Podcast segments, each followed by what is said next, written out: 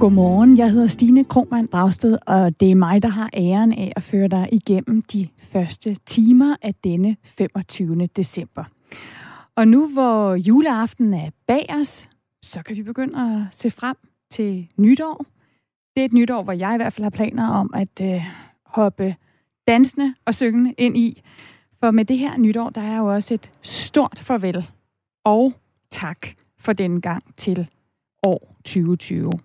Et år med corona og ondt i halsen efter vatpindens tur, når vi skulle i de hvide telte. Et år med nedlukning og albuer og akavet luftkramp. Et år med overfyldte hospitaler og ligehuse rundt om i verden. Et år med sygdom og død og ensomhed og økonomisk nedtur. Men selvom det har været et tungt år, der har sat slemme spor, så er der faktisk også dem, der kigger tilbage på 2020 som et succesfuldt år. Så i den her særudgave af Radio 4 Morgen, der skal det handle meget lidt om corona og smitte og virus og døde mink. Og i stedet for, så har jeg besluttet at fylde de næste to timer med historier om dem, der trods alt sejrede og hittede stort her i 2020. Vi skal ud i rummet, vi skal ud i naturen, vi skal på vandet, vi skal ind i hjernerne på nogle af de unge danskere, der har fået sig ind på opleveren, og så skal vi også en tur omkring øh, underholdningens og skakkens og sportens verden. Så glædelig jul, god morgen, og tak fordi du lytter med her på Radio 4 Morgen. Og når nu det skal handle om 2020's vinder, hvad er så mere naturligt end at starte i sportens verden? Hvor øh, det med vinder og tabere, det er jo ikke bare sådan et billede, vi bruger i overført betydning. Sejrsherrene og sejrskvinderne, de bliver jo simpelthen kåret og hyldet. Og derfor så har jeg selvfølgelig inviteret øh, dig med i studiet, Claus Elgaard. Godmorgen. Godmorgen, og tak fordi jeg må komme. Selv tak. Sportsjournalist, vært på Sportsugen og på trætprogrammet Fremkaldt her på, på Radio 4. Claus, nu startede jeg jo udsendelsen med at sige, at øh, det ikke skulle handle om corona. Men øh, den her pandemi, den har jo sat sit præg på sportens verden. Ja, det må man sige. Der har været vendt op og ned på alt, hvad der kan vendes op og ned på. Og, og det har også betydet, at øh, nogle atleter er poppet op, fordi de har været dygtige til at omstille sig. Der er hold og enheder, som, øh, som ikke rigtig har kunne forstå og, og omstille sig til presset og er faldet igennem osv. Så, videre. så det har været et øh, yderst mærkværdigt sportsår, det må man bare sige. Men, men på mange parametre har det faktisk været et rigtig flot dansk sportsår. Et år, hvor OL blev aflyst, EM-slutrunden i fodbold blev udskudt osv., men så alligevel, dem der kom i kamp, nu nævner du selv, at der er nogen, der faktisk har gjort det godt, af dem der kom i kamp, hvilke danske sportsgrene kan trods alt se tilbage på et godt år? Altså, på landevejscykling, som er jo en, øh, en dansk klassisk paradedisciplin, der, der har vi altså gjort det rigtig, rigtig godt. Vi har en generation nu, som minder lidt om den generation, vi havde for mange år siden med Rolf Sørensen, Brian Holm, Jesper Skiby, Bo Hamburg og så videre. Der har vi altså en flok ryttere nu, som går ud og vinder, og det blev kronet af, af Søren Krav, som vinder to etapper i, øh, i Tour de France. Så i den sammenhæng, det kan man altid diskutere, hvad er højst rundetårn eller et tordenskrald, men, men der, de fleste professionelle cykelryttere vil hellere vinde en etape i Tour de France, end at blive verdensmester. Altså sådan er det skruet sammen. Det var to fantastiske sejre. Han satte dem fra spids af og vandt fair and square, øh, fordi han bare var den stærkeste rytter. Så det var, det var virkelig, virkelig flot. Hvis vi kigger på, på nogle af de andre discipliner, vi også har været inde over, Basketball? Ja, basketball er jo øh, et, et, et, et, lige præcis et eksempel på, på øh, det der med at kunne omstille sig til en ny tid. Dansk basketball, øh, med alt respekt og undskyld til alle, der spiller basketball, men sådan i den store sammenhæng, så har dansk basketball i mange år været røven af 4. division. Det er den virkelighed, vi lever i. Men øh, det går faktisk rigtig godt, fordi Danmark fandt på til, til EM-kvalifikationen at vinde over Litauen. Og så tænker man, åh ja, Litauen. Men Litauen er altså et hold, der består af spillere fra den øh, amerikanske NBA og ligger nummer 8 på verdensranglisten. Og dem slog Danmark ganske enkelt, fordi vi var bedre end Litauen den dag, vi spillede mod dem. Og så tænker man, det er lidt ligesom i, øh, i boksning med sådan et lucky punch, eller i popmusik, sådan et one-hit wonder. Det sker aldrig mere. Jo, det skete skulle lige tre dage efter, så slår vi nemlig Tjekkiet, som lå nummer 9 på verdensranglisten. Og det er fuldstændig urealistisk. Der var nogle bookmakere, som var oppe og have, og have en sejr til Danmark over Litauen på op til 30-40 gange pengene. Jeg tror, at danske spil lå i 18, 16-18 gange pengene, men det, det er fuldstændig... Det, altså, når man er deroppe, så, så er det et udtryk for, at det kan simpelthen ikke lade sig gøre. Men det, det skete. Så har vi jo også en kategori øh, helt for sig selv med titlen en, der fik et stort år. Mm. Ikke bare øh, på trods af corona, men netop på grund af, af corona. Og i den øh, kategori, der tænker jeg jo på en helt bestemt dansk fodboldspiller, der blev købt af en af verdens bedste fodboldklubber, FC Barcelona. Ja, det er jo øh, Martin Brathwaite, øh, så, som, øh, som, som er omveje og kringelkroge og skadeslister og specielle regler landet i, øh, i Barcelona. Og man kan sige, at hele det juridiske spil om, hvordan det gik til, han var der, det er egentlig lidt ligegyldigt nu. Fordi øh, Martin Brathwaite greb chancen, og det, jeg synes, der er sådan lidt, lidt pudsigt ved det, og det kan godt være, at jeg bliver upopulær, men det er sådan lidt typisk dansk. Stine, du har selv boet i USA. Der er man rigtig god til at klappe hinanden på skulderen og siger, hold da kæft, du er dygtig. Virkelig godt gået, det der. Tillykke med det. I Danmark var der jo rent faktisk, også i mit eget fag, blandt sportsjournalister, mange, der grinede sådan lidt af Martin Braithwaite, lidt jantelovagtigt. Hvad skal han der? Han er slet ikke god nok. Øh, det var dog forfærdeligt, og er Barcelona virkelig sunket så dybt? I stedet for at klappe manden på skulderen og sige, tillykke med din kontrakt, gør nu det bedste, min dreng, og så lad os se, hvordan det udvikler sig. Og så har han jo bare grebet chancen, må man sige. Det er jo gået meget godt. Ja, det må man sige ja til. Han, øh, han, øh, I starten knævde det selvfølgelig lidt med spilletiden, men så spillede han øh, og scorede tre kampe i træk, øh, og fik lov at skyde straffespark og så videre. Det kan godt være, det er, fordi han skal skydes af og sælges videre, men, men bare det at starte inden øh, 3-4 kampe i træk for Barcelona, fordi det er jo ikke, fordi de mangler spillere. Altså, de har jo altså 40 mand, som er rigtig, rigtig dygtige. Så alene det at komme i startopstillingen, det fortæller jo bare, at Braithwaite i den grad har grebet chancen og, og forstået og, og slå til på det rigtige tidspunkt. Hvad forventer du af ham, hvis vi ser frem? Jeg tror, han bliver solgt. Altså, det, det, det tror jeg, han gør. Altså, de fik ham ret billigt, Barcelona, øh, for der var nogle regler for, hvor meget man måtte betale. Og når man scorer og starter inden for Barcelona, så kan man nemt ryge op i en 200 millioner kroners penge eller et eller andet. Ikke? Øhm, og det, jeg tror meget, det er op til Braithwaite selv, om han vil leve med at være sådan en super sub, som, øh, som de kan sætte ind en gang imellem, og ikke få så meget spilletid, fordi det får han jo ikke eller om han vil til en klub, hvor han spiller på, altså, på, på daglig basis, kan man sige. Ikke? Jeg tror meget, at det ligger egentlig i hans egen hænder. Lad os lige høre et klip fra øh, en, der overraskede alle, øh, og måske også hende selv. Hun øh, fik sit store internationale gennembrud her i 2020. Jeg endelig endte med ligesom at acceptere, hvor jeg var henne, og så starte helt forfra og sige, at øh, nu er der en hel masse, jeg skal blive bedre til at knokle med, og, øh, og ligesom så tror jeg, at corona hjalp mig i at give mig tid til at gøre det. Øhm, og så var det som om, jeg kom lidt ud på den anden side. Det er selvfølgelig uh, golfspilleren Emily Pedersen, der, der var med her i programmet uh, Sportsugen her på, på Radio 4. Og 2020 bliver jo altså året, hvor hun øh, bliver den første danske golfspiller, der vinder tre turneringer i, i træk. Claus Elgaard, hun siger det jo direkte selv, corona en hjælp hende. Jamen altså, Emily er jo en... Øh er jo en meget smuk historie, og det er jo igen en af de der, hvis man havde set den film øh, i en Hollywood-produktion, så havde man sagt, ah, nu strammer de den lidt. Ikke? Hun var et stort talent, øh, hun kunne nå alt, og øh, stjernerne var, var, var, var det, man gik efter, med, fordi talentet berettigede til det. Men så røg hun ud i nogle problemer og gik til psykolog, og øh, det skal man ikke skamme sig over, det er der så mange, der gør, men, men, men hun gad ikke rigtig spille golf. Det, det fyldte for meget i hendes liv, og, og lige pludselig så, jamen, så fandt hun ud af, at, at det var måske ikke det vigtigste i verden. Og det sker faktisk for mange sportsfolk, studieværter, journalister. Altså når man opdager, at ens erhverv ikke er det mest afgørende i verden, så er der faktisk rigtig mange, der bliver endnu dygtigere til det, når man ligesom lærer at slappe af i det. Og så kom coronaen, og det var et godt tidspunkt for, for Emily, fordi hun var jo i en fase, hvor hun skulle til at, sådan at starte fra scratch og starte forfra. Men det skulle alle de andre på golfturen jo også. Det blev vendt op og ned på det hele, så de startede egentlig fra, fra lige fod, da, da de byggede op. Og så har Emily jo sammen med mange andre danske sportsfolk været meget, meget dygtig til at omstille sig til, til det her turbulente, rodet liv. For det er sådan med atleter, at de lever sindssygt skematisk. Cykelrytterne, de, hvis ikke deres pulsur viser den rigtige puls, så kan de jo slet ikke køre på cykel. Altså, hvis ikke vægten viser, at de får 32 gram sojaprotein, så kan de slet ikke finde ud af at leve. Øh, og sådan er mange topatleter. Så hele den her omvæltning har været meget, meget svær øh, for dem inde i hovedet, ganske enkelt. Men har de danske elitesportsfolk været bedre end, ja, end de. de udenlandske til at omstille sig ja, til de her de, øh, begrænsninger? Langt, langt hen ad vejen har de været bedre til det. Og, Hvordan det?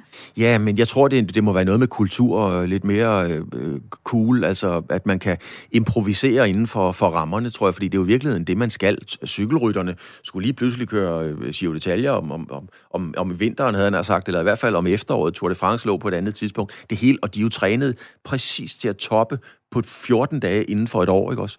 Men der er de danske sportsfolk generelt ret dygtige til at, til at omstille sig. Basketballholdet, Emily, øh, øh, fodboldlandsholdet også, øh, kan man sige. Ikke? Så var der jo nogen, der ikke kom i kamp, og det var badmintonspillerne. De har slet ikke været ude og slå til fjerbolde. Og vi skulle ellers have haft øh, Thomas Kopp i Danmark i Aarhus, og vi skulle have haft Juber Cup. Thomas Kopp, det er uden sammenligning den største og mest prestigefyldte badmintonturnering overhovedet. Øh, men de har ikke været ude og slå et slag. Og det har været en, det har været en bet for dem, fordi verdensstjerner i badminton, de har været ude og tage job som øh, vikarer på skoler, på danske skoler osv., for overhovedet at kunne betale husleje. Så det har været, det har været rigtig træls.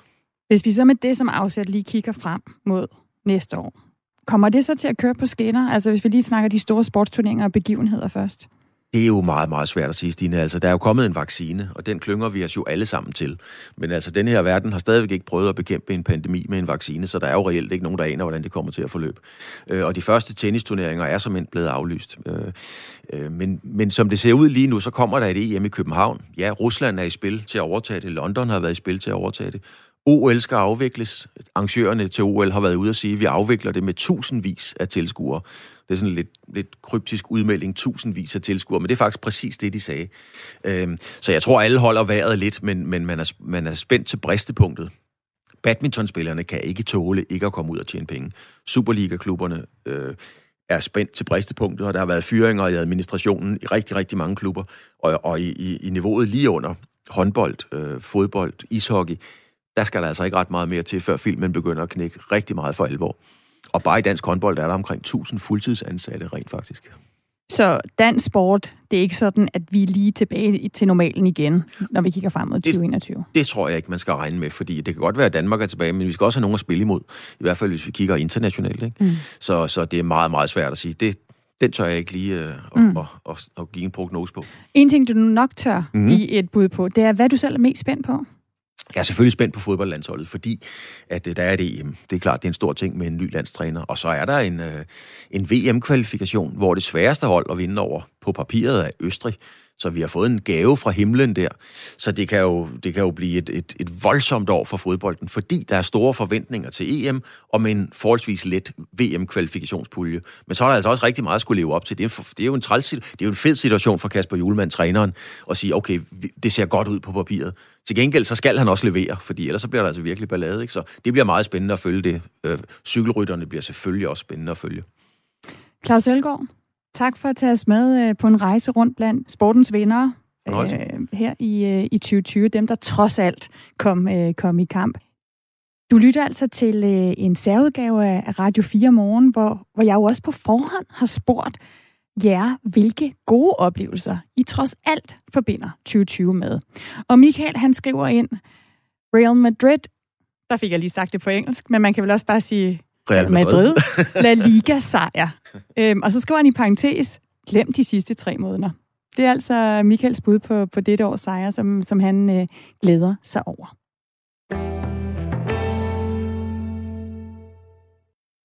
Da verden lukkede ned, søgte et rekordantal unge danskere mod højskolerne. Og sådan en underviser du på, Christian Hjortkær. Godmorgen. Ja, det. Godmorgen. Silkeborg Højskole. Du er også forfatter, og du skriver blandt andet i, i bogen utilstrækkeligt om, hvordan det er at, at være ung i, i dag og forholde sig til, til dagens øh, sådan moralsyn. Øh, Hvad er det, de unge særligt søgte, når de flokkedes til, til højskolen her i 2020?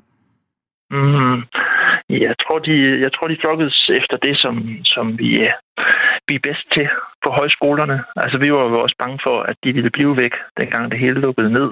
Og så kom der jo faktisk en massiv tilstrømning, og den er fortsat.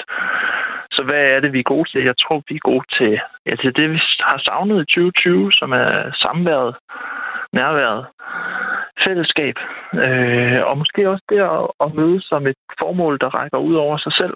Øhm, og så måske også højskolesang, som er blevet en stor ting i 2020 igen. Og hvor der var kommet en ny højskolesangbog. Altså Christian mm. Hjortkær, øh, nogle af eleverne i år, de planlagde det, det her højskoleophold, det havde de planlagt i, i lang tid i forvejen. Så var der også mange, der fik øjnene op for højskolerne, fordi de ja, deres planer om at tage ud og rejse og arbejde i udlandet, at, øh, at mm. de planer blev, blev ødelagt, fordi verden lukkede ned. Hva, mm. Hvad var det for en rejse, som højskolen kunne sende øh, de unge på i de her coronaår, hvor de, hvor de ikke kunne rejse ud fysisk? Ja, det, har jo været, det er ret interessant. Vi, altså, I den forstand var det lidt en gave for os med corona, i hvert fald på, på vores højskole, fordi vi har den gået og bakset med. Vi rejser ret meget ud via øh, ja, Japan og Indien og Palæstina. Og, og vi har oplevet de seneste år, at der er nogle elever, der er kommet hjem og, og simpelthen sagt, at jeg, jeg har CO2-tømmermænd. Altså, det er jo det er, det er de unge, det kommer fra, det her. Øh, og vi har sådan overvejet, skal vi, skal vi lave om, så vi måske kun øh, tager til, til Danmark og det nærmeste Europa. Og 2020 gav ligesom det gav os ikke noget valg. så nu har vi tur og sat på at lave rejser her i Danmark, så vi har været sådan en, en form for skattejagt øh, rundt om i Danmark. Vi har taget til grænselandet, så i stedet for at tage til Israel-Palæstina-konflikten, så har vi taget til den dansk-tyske grænse og prøvet at se på, på det. Og vi tager rundt i Søhøjlandet, hvor vi ligger i forvejen, og lavet nogle rejser ud fra den betragtning, at måske kan man, og det tror jeg, de unge øh, har fået øjnene op for, måske kan man lige så vel finde sig selv på Samsø som på Kilimanjaro. Jamen det lad os lige høre fra en af de unge, som øh, var på højskole for at finde sig selv i år. Det er dig, Jeppe Bjørk. Godmorgen. Godmorgen.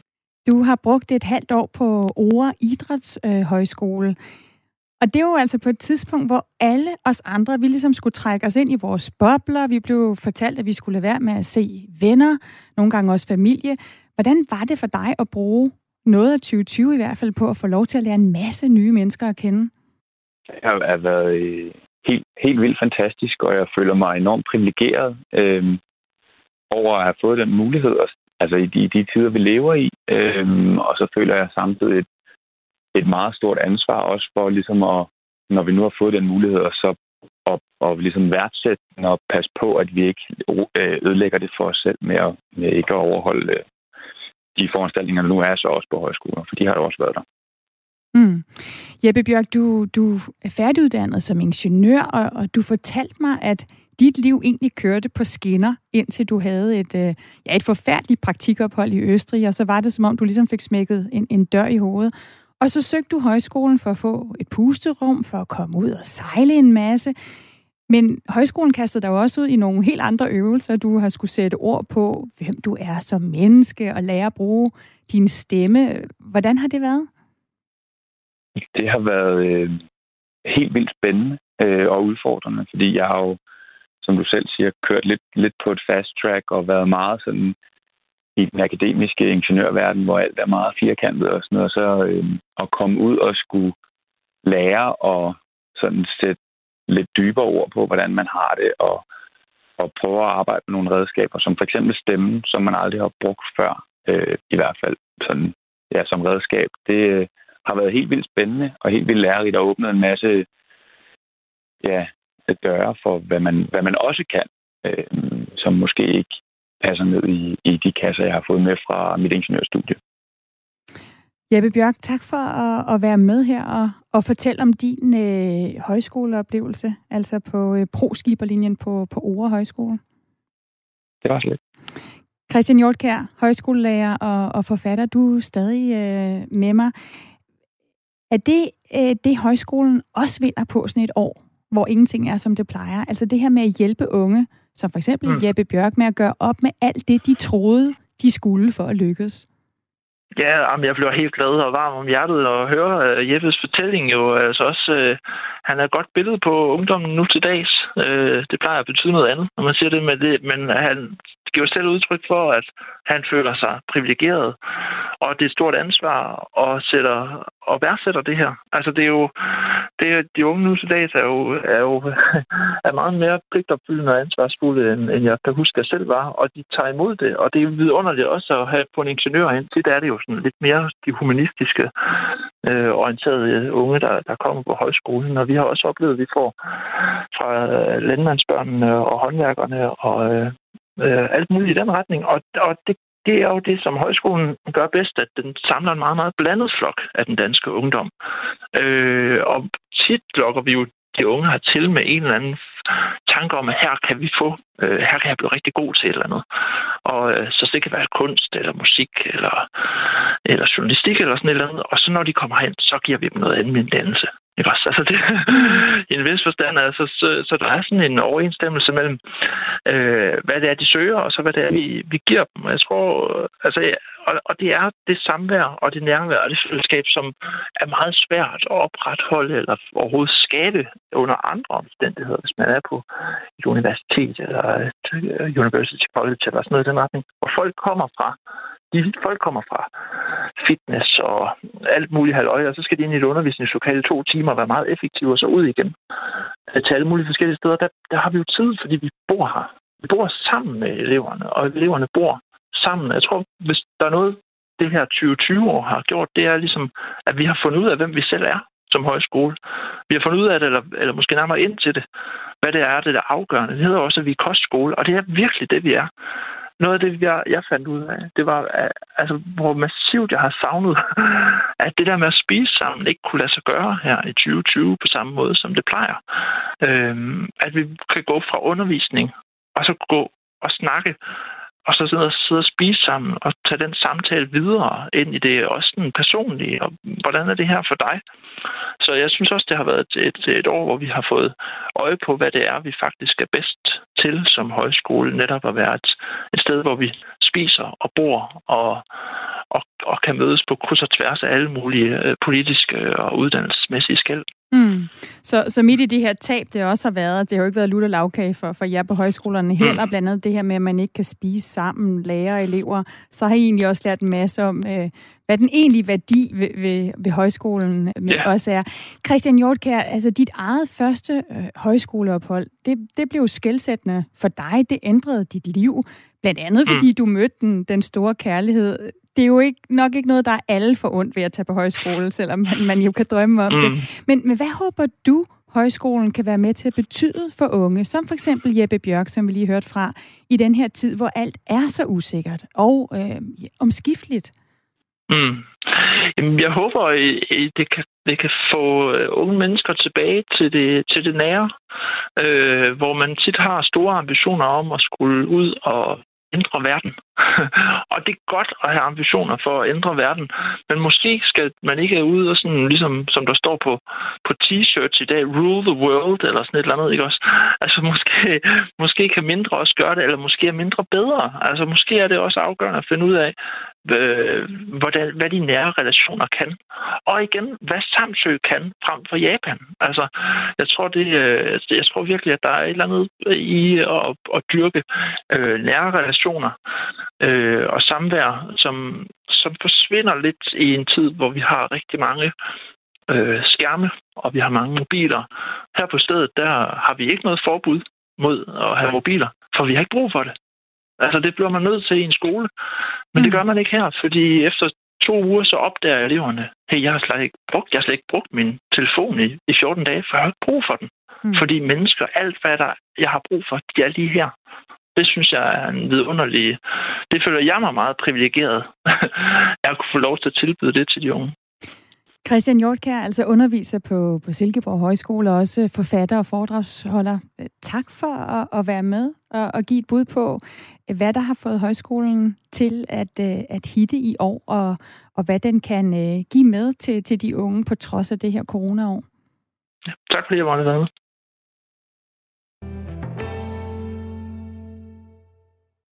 I løbet af december har jeg efterlyst jeres gode oplevelser i 2020. Og en af jer har skrevet ind, fik et nyt job og derved en ny kollega, som har haft stor betydning for mig positivt.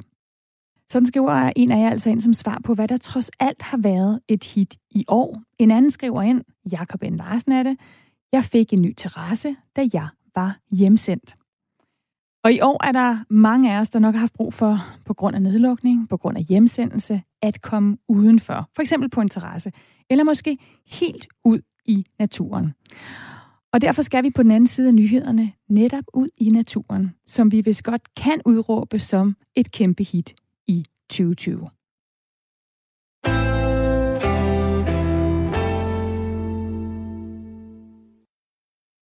Du lytter til Radio 4 morgen. Jeg hedder Stine Krohmann Dragsted.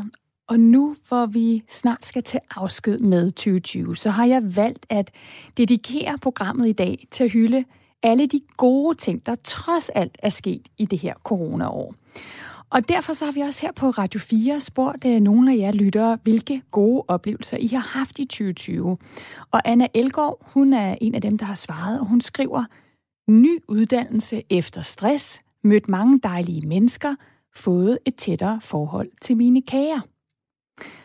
Og så er der jo også dem af jer, der er midt i hjemmearbejde med skrigende børn, der ikke kan komme i vuggestue eller børnehave, fandt ud af, at naturen var en vinder i 2020.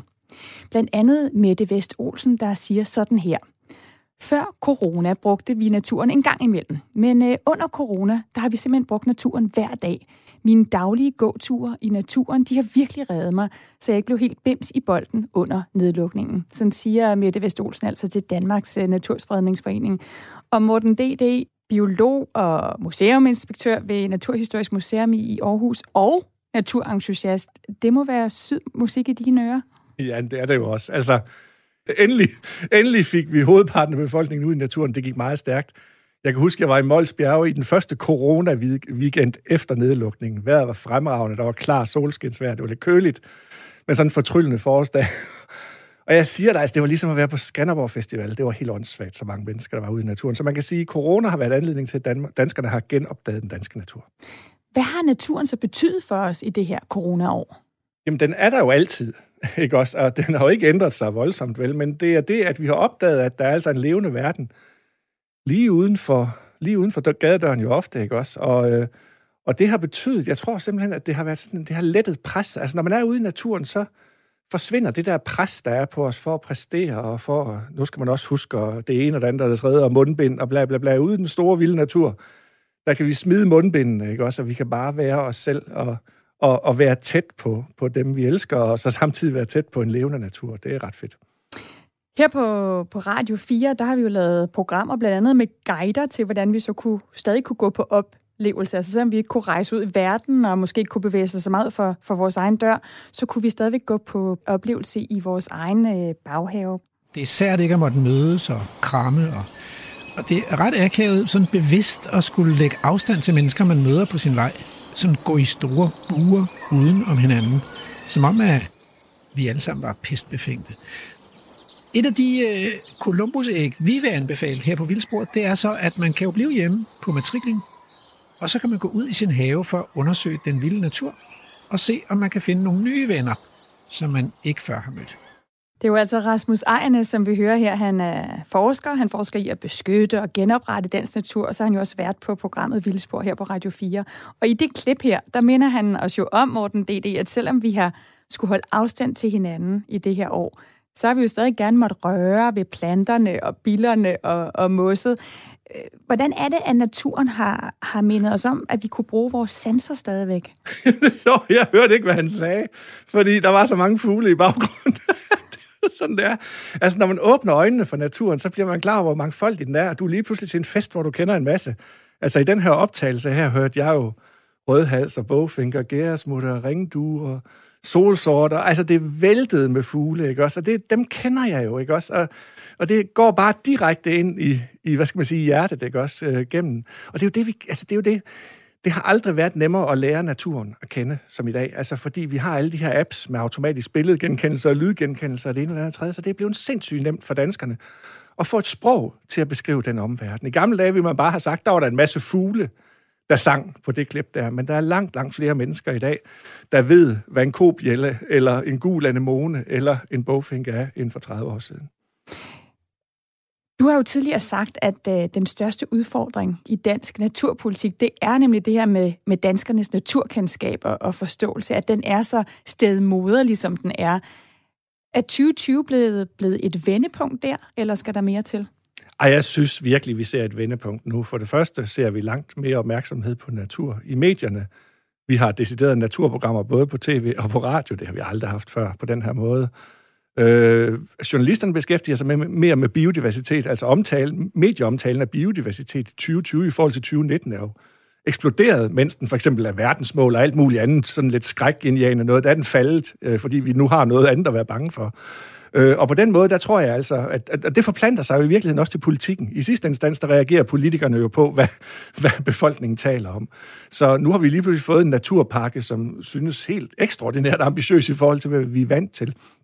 Så på den måde vil vi kigge tilbage, tror jeg, på 2020, som jo netop faktisk var tænkt som biodiversitetsåret. Det, jo, det skal vi altså også huske. 2020 var faktisk udpeget til biodiversitetsår. Og det må man sige, det skulle da noget af det eneste, der er lykkedes derude. Faktisk, det er, at vi har fået den her opmærksomhed på biodiversitet i 2020, og også noget, noget politik, der følger med. Morten D.D., for en som dig, der har beskrevet dig selv som en, der dagligt er ude på den slagmark, hvor du prøver at få gymnasieelever til at tænde på for eksempel koversnæpper eller vipsevåger. Prøv lige at forklare, hvad det er, vi vinder på at dyrke interessen for naturen. Jamen det, jeg tror, vi vinder, det er, altså, jeg tror, det er enormt sundt for os at rette opmærksomheden væk fra os selv en gang imellem. Sådan det ikke hele tiden kommer til at handle om os selv, og vi er centrum for hele verden verden er jo derude, ikke? Også de her websøger, de bevæger sig jo på træk til Afrika, og korsnæppen flyver fra Alaska til New Zealand non-stop over hele Stillehavet. Det sker uanset om vi egentlig er der eller ej. Det er bare verden, som i sit, sin livsudfoldelse, altså på en eller anden måde taler til, at wow, det er et dejligt sted at være. Jeg, jeg tror, det fjerner en del af pres. Altså, det at interessere sig for naturen, det fjerner en del af det pres, vi ellers mange af os til daglig går og føler.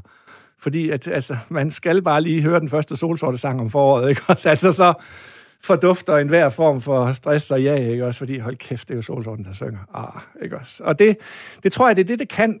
Det er, det er, det er inderligt overflødigt. Det er rent, hvad skal man sige, i virkeligheden overskud og beskæftigelse. Men tur. Akkurat som når vi hører noget rigtig fed musik. Det er jo heller ikke nødvendigt. Altså, det er jo ikke nødvendigt for vores overlevelse. Det er bare sindssygt smukt. Og det er det, naturen kan. Den tilfører en dimension til livet. Og så har vi fået en masse ud af naturen. Vi har fået den her, for nogle af os måske opdaget den her dimension, man kan få i, i 2020. Hvad, hvad med naturen? Vinder den på, at vi har været mere ude i den? Altså man kan sige, at der er jo altid folk, der lige skal vende sig til at være i naturen, så vi fandt lidt mere affald, end vi plejer at gøre, men det er jo ikke noget uopretteligt skade, der er sket der. Det, at danskerne har opdaget den danske natur, det betyder helt sikkert noget også for politikken fremover, fordi der er langt, langt flere mennesker, der har opdaget, at der faktisk er noget at passe på derude. Og og den bevidsthed skal vi jo have, før vi gider passe på det. Ikke? Så på den måde har det været en, en kæmpe vindersag for naturen. Hvad, hvad er det er helt konkret, det har haft af, af positive indvirkninger på naturen? Altså, jeg vil tro, at den her opmærksomhed på den vildere natur, for eksempel, betyder, at det bliver nemmere for danskerne at acceptere endnu mere vildere natur. Ude i Mols Bjerg på Mols Laboratoriet, hvor vi jo har vildhester og kvæg gående, som jo skaber en enestående varieret natur.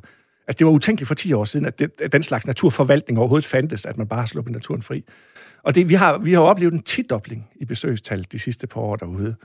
Og de mennesker, der har været derude, de går jo bare alle sammen og siger, wow, hvorfor gør vi ikke det alle andre steder? Og de tager inspiration med hjem til deres, altså nogle af de store lodsejere, private lodsejere, der har været på besøg, de siger bare, det må vi også have derhjemme, og så tager de hjem på deres store ejendom og gør det samme, som vi har gjort. Så på den måde spreder det sig som ringe i vandet lige nu, den her opmærksomhed på den vildere natur for eksempel. Hvis vi lige zoomer ind på, på dyreriget, og så bliver i den her terminologi med vinder og, og tabere, og så før det ikke siger et ord om mink. Hvilke dyr har så haft det sværest i 2020? Altså de dyr, der har haft det sværest i 2020, og også de dyr, der har haft det sværest i 2019 og 2018 og 2017, det er jo de dyr, der er knyttet til de vilde landskaber. Fordi vi har ikke ret meget af den slags tilbage i Danmark, så det er den vilde, vilde natur. Men den natur, der trives tæt på os, den har det jo fremragende. Altså, det er jo, altså, der er jo masser af arter, der trives sammen med mennesker og i vores kulturlandskaber.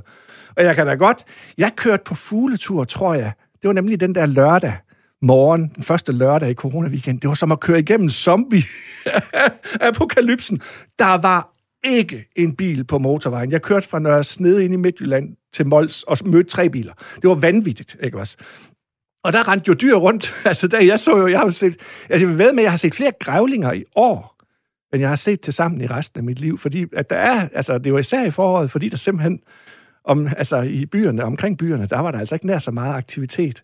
Øh, om natten, for eksempel. Ikke? Så det har virkelig været... Uh, på den måde er der altså en del dyr, der har stor trives. Og er der andre dyr, hvis vi så skal sige sådan, hvem er vinderne af 2020, udover dem, der måske har kunnet erobre noget af den plads, vi har efterladt, når vi trækker os, os indenfor? Er der andre dyr, der har haft det godt, øh, på trods af, at der ikke er så meget vild natur i Danmark? Det har, ja, altså nej, det kan man sige, at vi skal altså have gjort noget ved, vi skal have gjort noget ved manglen på vild natur, ikke også? Fordi jeg vil jo gerne nævne, at der er en eller anden sommerfugl, der er gået en lille smule frem i forhold til 2019, men generelt var billedet for vores, altså for insekterne og sådan noget, det var sgu ret skidt, ikke også? Altså, det, men, men så omvendt, så står man ude i Molsbjerg sådan en sommerdag der, og der er masser af mennesker derude, og man sidder med vildheste og det vilde kvæg, der render rundt, og Der er blomster og sommerfugle overalt, og så tænker man, det her, det skal altså nok blive et godt årti. De vilde 20'ere, det skal nok blive godt. Hvad vil du allerhelst tage med fra 2020 ind i 2021? Altså det, jeg allerhelst vil tage med, det er i virkeligheden ganske banalt. Det er, og det kommer jeg, til, kommer jeg aldrig til at glemme. Altså det var 6. april om eftermiddagen i Nørresnede. Du ved det der med, at man bliver sendt hjem fra arbejde, og vi skal arbejde hjemmefra, så der var sådan lidt tid til også at gå ud og lige snuse til nogle fugle en gang imellem. Og den dag var det fantastisk vejr. Østenvind og varmt, og langt nede sydpå får jeg øje på en lille prik, som kommer flyvende op mod mig. Jeg tænker, satan, er det en svale? Er det årets første svale? Er det årets... Og den kommer tættere og tættere på. Jeg kan se, det er en landsvale, og jeg bliver jo glad. Årets første svale, det er altid en festdag for sådan en som mig, ikke også? Virkelig. Og så kommer den flyvende til sidst op over hovedet. Jeg opdager den fire kilometer ude, og til sidst kommer den flyvende lige hen over hovedet på mig nærmest. Og så flyver den ned i min garage. Jeg så den ankomme fra Sydafrika. Jeg så livet udfolde sig, når det, når det er allervildest, ikke også? Der fløj svalen. Jeg ser den ankomme fra efter en rejse på 7.000 km, der kommer den flyvende lige ned i min garage og sidder og synger, men for helvede. Og, og det er jo det, jeg glæder mig til i 2021 igen. Jeg glæder mig til det her forår, til det her opbud, opbud af liv, som kommer, når, når foråret vender tilbage. Og, og det er jo det, naturinteressen kan give. Du, du bliver sgu aldrig helt alene, vel? Og du bliver aldrig... Der er altid håb forud.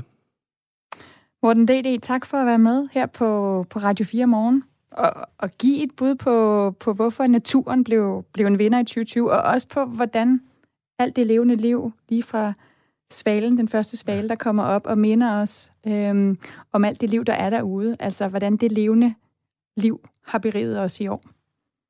Velbekomme.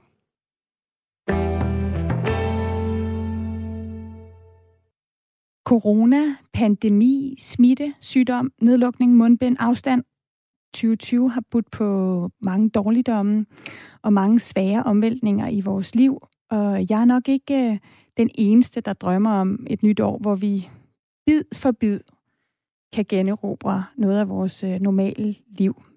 Måske lægge håndspritten væk, give knus og kram igen, smid ansigtsmasken og se venner og familie igen, sluk for Zoom og Teams og Skype og rejse og arbejde og studere og spise i, i den virkelige verden, i stedet for i den virtuelle verden. Men det her år, det har heldigvis ikke været frygteligt for os alle sammen. Så her øh, få dage, inden vi tager afsked med 2020, så jeg besluttet at fylde æderen den her morgen med historier om folk, der har haft et skønt eller succesfuldt eller helt okay 2020. Og en af dem, som jeg faktisk blev lidt overrasket over at finde i den her kategori af folk, der ikke bare øh, vil skule olden tilbage på 2020, det er jo dig, Katinka Bukvald Bjerregaard. Godmorgen. Godmorgen. Du er jo komponist og sangerinde, og så, øh, så lever du i en branche, der har været hårdt ramt i år. Alligevel har 2020 overrasket dig positivt. Hvordan det? Altså, øh, det er forskellige planer. Altså, men jeg, jeg, jeg tror, at, at øh, altså hele min, min ting med 2020, det er, at, at når nogen siger til mig, at du må ikke rejse nogen steder, og øh, du kan bare blive hjemme, så bliver jeg en lille smule lettet. øhm, øh, det der med at, at, at tage ud på nye eventyr til fremmede eksotiske lande og sådan noget, det har aldrig rigtig været mig. Øhm, så det der med en eller anden fornemmelse af, at man faktisk slet ikke må tage steder hen, det synes jeg bare var virkelig fedt. Altså simpelthen begrænsningen på en eller anden måde også var en befrielse? Ja, altså fordi, jeg ved ikke, jeg har det sådan lidt, jeg har aldrig rigtig haft brug for, at at tage et eller andet sted hen og finde mig selv eller sådan noget. Jeg har virkelig, jeg har, jeg har rigelige problemer herhjemme med at finde noget som helst. Så jeg tænker, at, at altså, der, der synes jeg bare, det er dejligt, men ja, men og lige nogle gange tegne en skridtstreg, og så sige sådan, men nu bliver du her. Nu ønsker du ikke at være alle andre steder. Nu skal du bare være her. 2020 er jo også øh, det år, hvor du har skulle se dine nyfødte tvillinger blive rigtige øh, mennesker. Hvordan har det været? Det har været øh, Mm, vildt. Altså, det har været altså for sindssygt. Øh, man forstår jo slet ikke, hvad det... Man kan ikke huske, hvad, hvad, var det, man, hvad var det, man gik op i før, og hvad var det, man lavede i sit liv før, at, at man fik børn. Altså, det er jo, det er jo to mennesker. Jeg har en dreng og en pige, som nu er øh, 15 måneder, og, øhm, og man kan sige, hvis der er nogen, der har været fuldkommen ligeglade med den her pandemi, eller øh, Inger Støjberg, eller Minkfarme, eller den, det amerikanske valg, det er fandme mine tvillinger. Fordi de står op halv syv hver morgen ligegyldigt hvad. Og øh, de skal have havregrød ligegyldigt hvad. Øh, så der er en eller anden øh, fornemmelse af virkelighed, fordi der har jo været et eller andet i 2020, som har virket som en eller anden skrækfilm. En eller anden virkelig dårlig skrækfilm.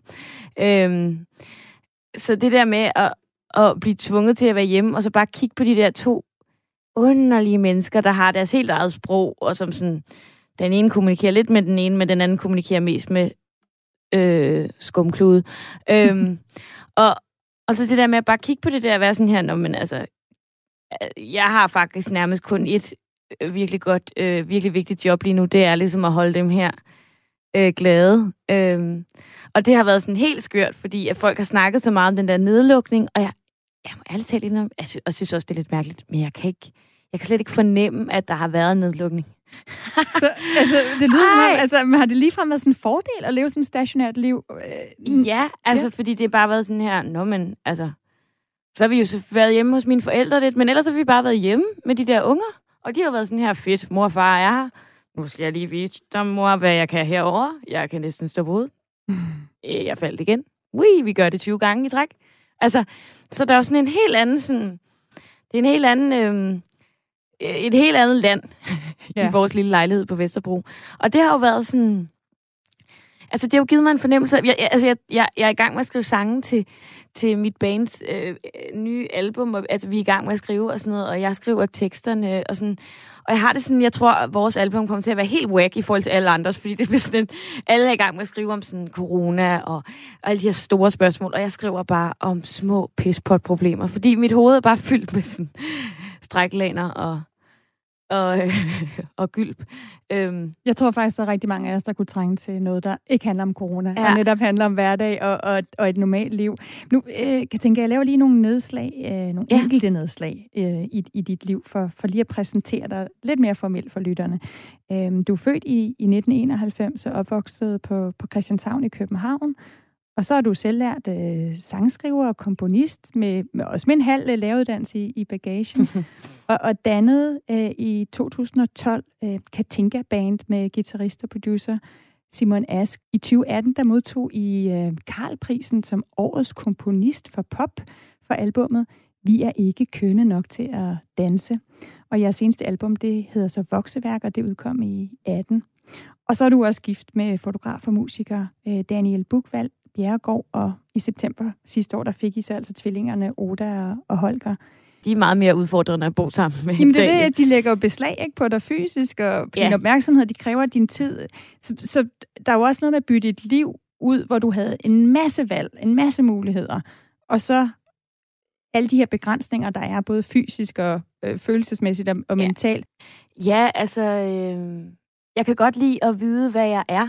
Øh, jeg er meget sådan en, der bekymrer mig og spekulerer rigtig meget over, øh, hvad jeg skal med livet, og er det her nu godt nok, eller går jeg nu den rigtige vej, og sådan noget. Og der kan man sige, altså derhjemme, der er jeg jo, altså, der er der i hvert fald en ting, som jeg skal være, og det er at være mor. Og, øh, og, og det kan jeg egentlig meget godt lide, at det, det, det, det er der ikke nogen, der kan sætte spørgsmålstegn ved, fordi det er jeg bare. Øh, det, giver mig, det giver mig en eller anden ro. Vi har valgt at sige, at vi kan planlægge os ud af alt. Øh, så jeg har også, øh, altså jeg har, jeg har arbejdet rigtig meget også det her år, egentlig. Øh, fordi vi er, altså vi begge to, både mig og Daniel, er enige om, at glade forældre, øh, det er også glade børn. Og glade forældre for os, det er også, at vi kommer ud og spille. Og det er også, at vi kommer ned på et bodega nogle gange. Øh, og, og det er også, at vi øh, nogle gange får lov til at holde hinanden i hånden og at bolle, uden at være bange for, at der er nogle børn, der vågner. Øhm, og og det, det har været virkelig vigtigt for os, så det, det er den der, det er jo en eller anden fornemmelse af at finde sin vej i det, men jeg kan godt lide, at der er nogle ting i mit liv, som slet ikke er til diskussion længere. Mm. Det, det, det passer mig rigtig godt. Ligesom da, øh, altså, da hele verden var nedlukket, så var der ligesom ikke nogen diskussion om noget, vel? Altså, vi skulle bare være hjemme, og vi skulle bare gøre de ting, vi skulle gøre hjemme. Altså, og vi skulle få noget mad på bordet, og, og så ligesom klare den. Og det, nogle gange, så synes jeg, måske også fordi jeg kan godt lide at skrive sange om de der hverdagsting, altså de store spørgsmål, de skal helst være pakket ind i noget hverdag, og det er der også i det der, i de, øh, altså i den sammenhæng, at det der med sådan, du er hjemme, fordi du skal være hjemme, og du er mor, fordi du er mor, og der er ikke rigtig nogen diskussion om det. Og øh, når, man bliver, når regeringen siger, du skal være hjemme, øh, fordi at, øh, du skal tænke på øh, befolkningens sundhed, så er man hjemme. Og øh, så kan man øh, fundere over de små ting frem for alle de store spørgsmål. Og de store spørgsmål er så kedelige i længden, fordi det er bare sådan, vi bliver aldrig færdige, vel? Nej, det gør vi nok ikke, imens vi så netop prøver at, at leve det mere normale liv, øh, også med de her nedlukninger og restriktioner, som vi nu igen står midt i, og, og som du har skrevet en sang om, og som du også fortalte, Katinka, så var du stadig ikke tid til, til at skrive, og du har taget en sang med til os, som du gerne vil synge. Hvad er det for en? Mm, det er øh, en sang, der hedder Intet på tapetet. Det er en sang, øh, som jeg skrev under nedlukningen øh, sammen med min kæreste. Og jeg har skrevet en sang, der ligesom ikke handler om alt det der corona sådan på den måde, men jeg har skrevet en sang om alt det der, der sker, når der ikke sker noget. Og måske også, fordi jeg altid var bekymret for, da jeg var yngre, det der med at, altså et kedeligt liv, eller måske var jeg ikke engang bekymret for det, måske havde jeg egentlig forventning om, at man ikke skulle have et kedeligt liv, og man skulle ud og rejse, og man skulle gøre alt muligt. Men øh, nogle gange så er det virkelig dejligt med et helt normalt liv. Lad os høre sangen.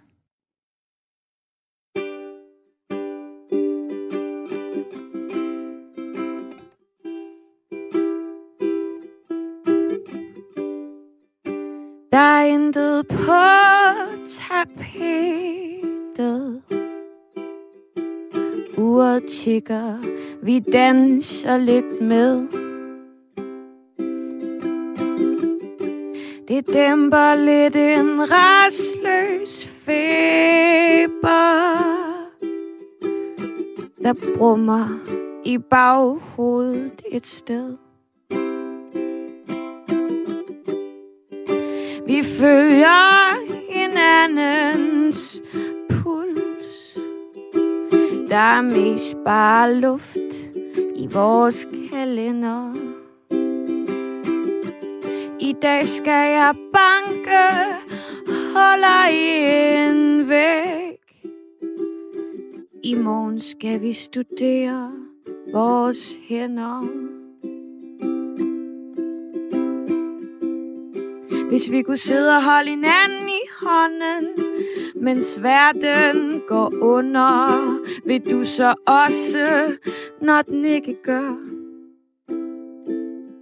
Og hvis vi kunne sidde og tale om ingenting, og stadig blive større, huske alt på den tomme gade, vi ikke så før.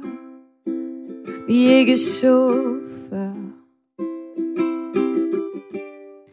Vi lader ordene hænge i luften Som giver lander alt det vi aldrig formår.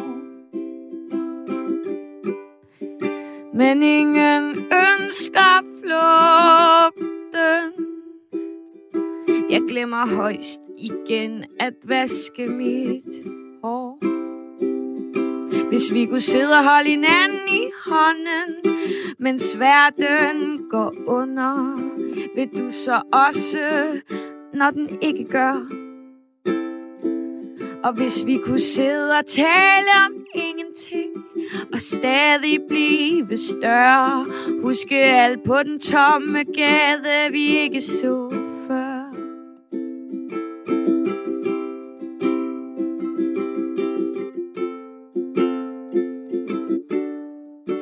Alle de dage, hvor enden er aflyst. Alle de dage, hvor ingenting sker. Alle de dage, hvor du kunne tage afsted. Men vælger at blive her. Hvis vi kunne sidde og holde hinanden i hånden, mens verden går under, vil du så også, når den ikke gør. Og hvis vi kunne sidde og tale om ingenting, og stadig blive større, huske alt på den tomme gade, vi ikke så før. Vi ikke så før. Der er ingen større sandhed på lager. Kun kasser fyldt med plast og papir. Men der er ingen andre steder, vi skal være.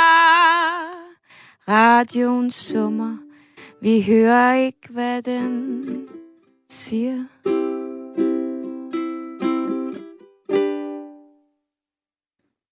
Tak, Katinka. Det var så lidt.